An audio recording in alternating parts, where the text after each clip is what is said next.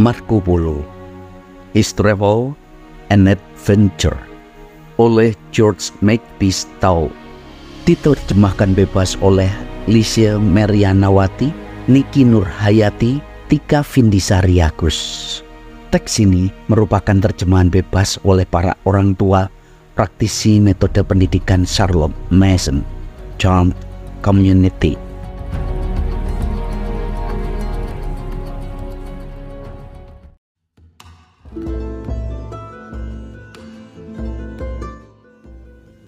Bab 6 Tempat Perburuan Kekaisaran Minggu 11 Dari Venesia, butuh waktu hampir empat tahun bagi Polo untuk mencapai tempat berburu kan agung. Marco, yang berusia 17 tahun ketika dia berangkat dari rumah, sekarang telah menjelma jadi seorang pemuda tinggi dan ramping berusia 21 tahun yang ditempa oleh matahari dan berbagai kesulitan selama berbulan-bulan dengan kumis tipis yang memberikan penampilan maskulin pada wajahnya.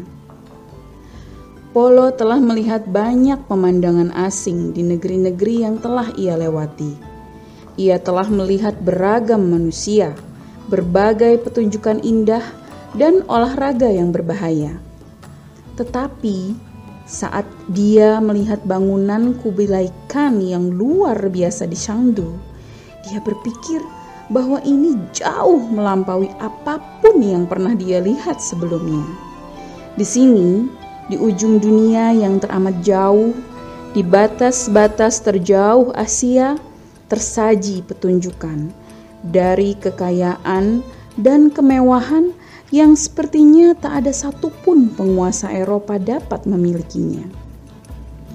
Tak lama kemudian, Polo memiliki banyak kesempatan untuk mengamati segala sesuatu di istana musim panas yang agung di Shangdu dan tempat berburu yang luas membentang berkilo-kilometer di atas hutan, bukit, dan lembah sebagai tempat rekreasi Raja Tartar yang perkasa. Berada di istana, dan mendapati dirinya dikelilingi di setiap sisi oleh kenyamanan dan dekorasi mewah yang tak terhitung jumlahnya. Polo dengan penuh semangat mengamati semua benda yang ada di sekitarnya. Istana itu sendiri adalah sebuah bangunan yang luas, meskipun tidak terlalu tinggi. Dibangun dari marmer, porfiri, dan batu-batu indah lainnya terdiri dari selangkaian aula panjang yang luas, dikelilingi lapangan yang di tengahnya aneka tanaman langka tumbuh subur, dan air mancur dinyalakan tanpa henti. Dinding ruangan berhiaskan lukisan sosok pria, wanita, binatang, serta burung. Betapapun kasarnya lukisan-lukisan ini bagi orang Venesia yang terbiasa dengan seni paling maju yang dikenal dunia saat itu, warnanya tetaplah cemerlang dan indah. Dan mereka menghadirkan efek yang mempesona di mata Polo. Mereka sangat mirip dengan gambar-gambar yang sekarang kita lihat berasal dari Jepang. Di antara gambar-gambar ini, dindingnya dicat berkilau dengan indah. Di aula besar ada mimbar yang ditinggikan, terlindung oleh kanopi besar dan kain mewah di atas mimbar ada takhta yang indah, tampak berkilauan dengan emas, dan ketika Kang duduk di atasnya, dia berkuasa atas istananya di Sangdo. Selain istana utama, di taman luar, istana lain didirikan. Setiap kali Kan pergi ke Shangdu, lalu dibongkar lagi ketika ia meninggalkannya untuk berangkat ke ibu kota selatan. Bangunan ini cukup besar seperti yang lain, tapi terbuat dari bambu tebal dan panjang yang tumbuh subur di hutan-hutan sekitar. Tongkat ini dipotong memanjang, dari satu simpul ke simpul lainnya membentuk atap, lalu strukturnya ditopang oleh tali sutra yang kokoh. Ya memang itu lebih mirip tenda kayu daripada bangunan dan memang diatur sedemikian rupa supaya dapat dibongkar dan dikemas. Tapi ketika didirikan, dindingnya dihiasi gambar-gambar meriah tentang adegan berburu yang dipisahkan dengan garis-garis emas yang lebar.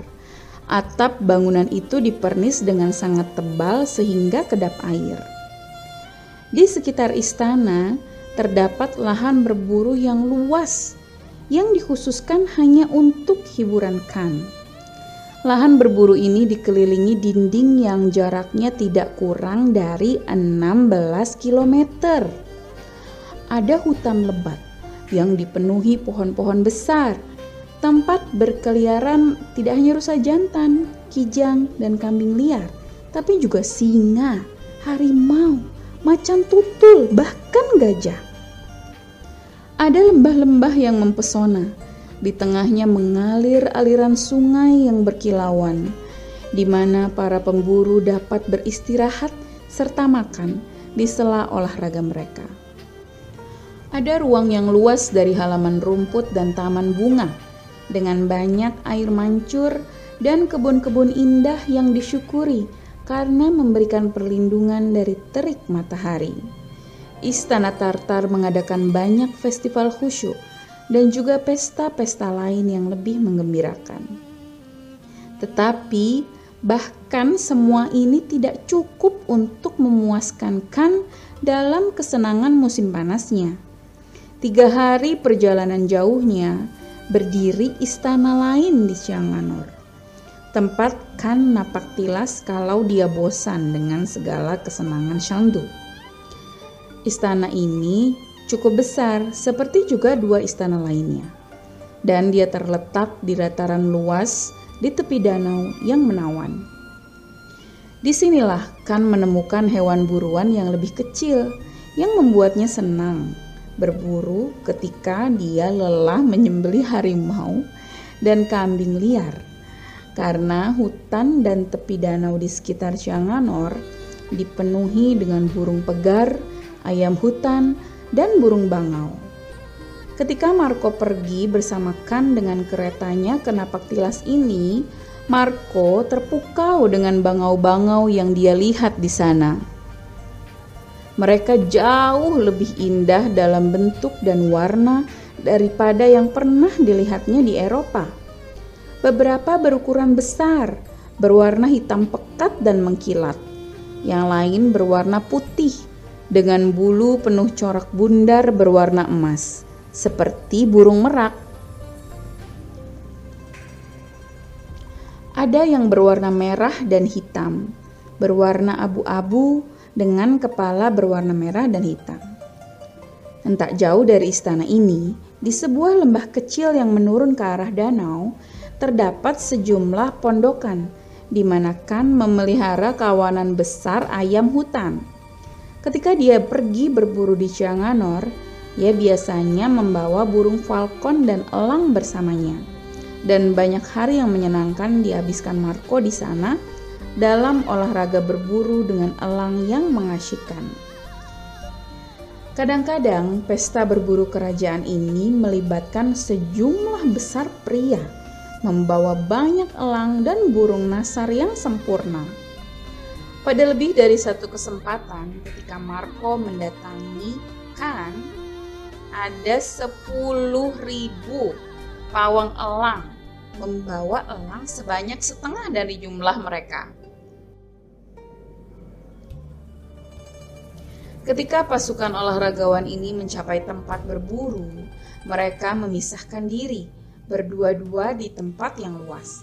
Salah satu dari mereka di satu ujung melepaskan elangnya yang akan diawasi oleh yang lain saat ia menukik dan terbang mencari mangsa. Lalu elang itu dengan mangsanya akan ditangkap oleh petugas terdekat. Setiap elang memiliki label perak di kakinya, terukir nama dan pemiliknya. Dengan demikian, setelah melakukan tugasnya, elang itu akan dikembalikan ke tangan pemiliknya. Kan yang agung selalu memulai ekspedisi berburu bersama elang ini dalam barisan yang luar biasa. Dia selalu pergi dengan empat gajah besar yang ornamen megahnya memperlihatkan pangkat kekaisaran yang mereka bawa. Dan saat mencapai tempat berburu, tenda persegi dari kain emas dan kulit singa didirikan di tempat yang nyaman. Dari sebuah lubang di mana dia menyaksikan dan mengambil bagian dalam olahraga itu.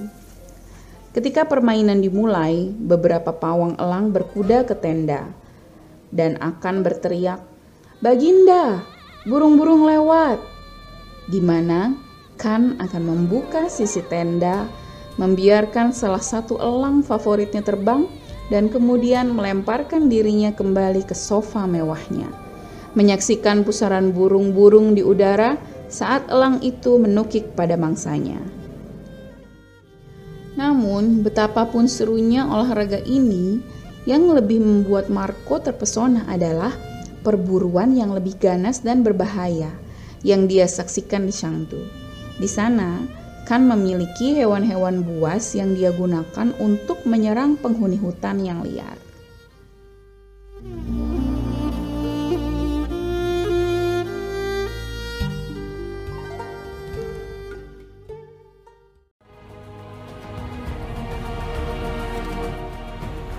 Bagaimana?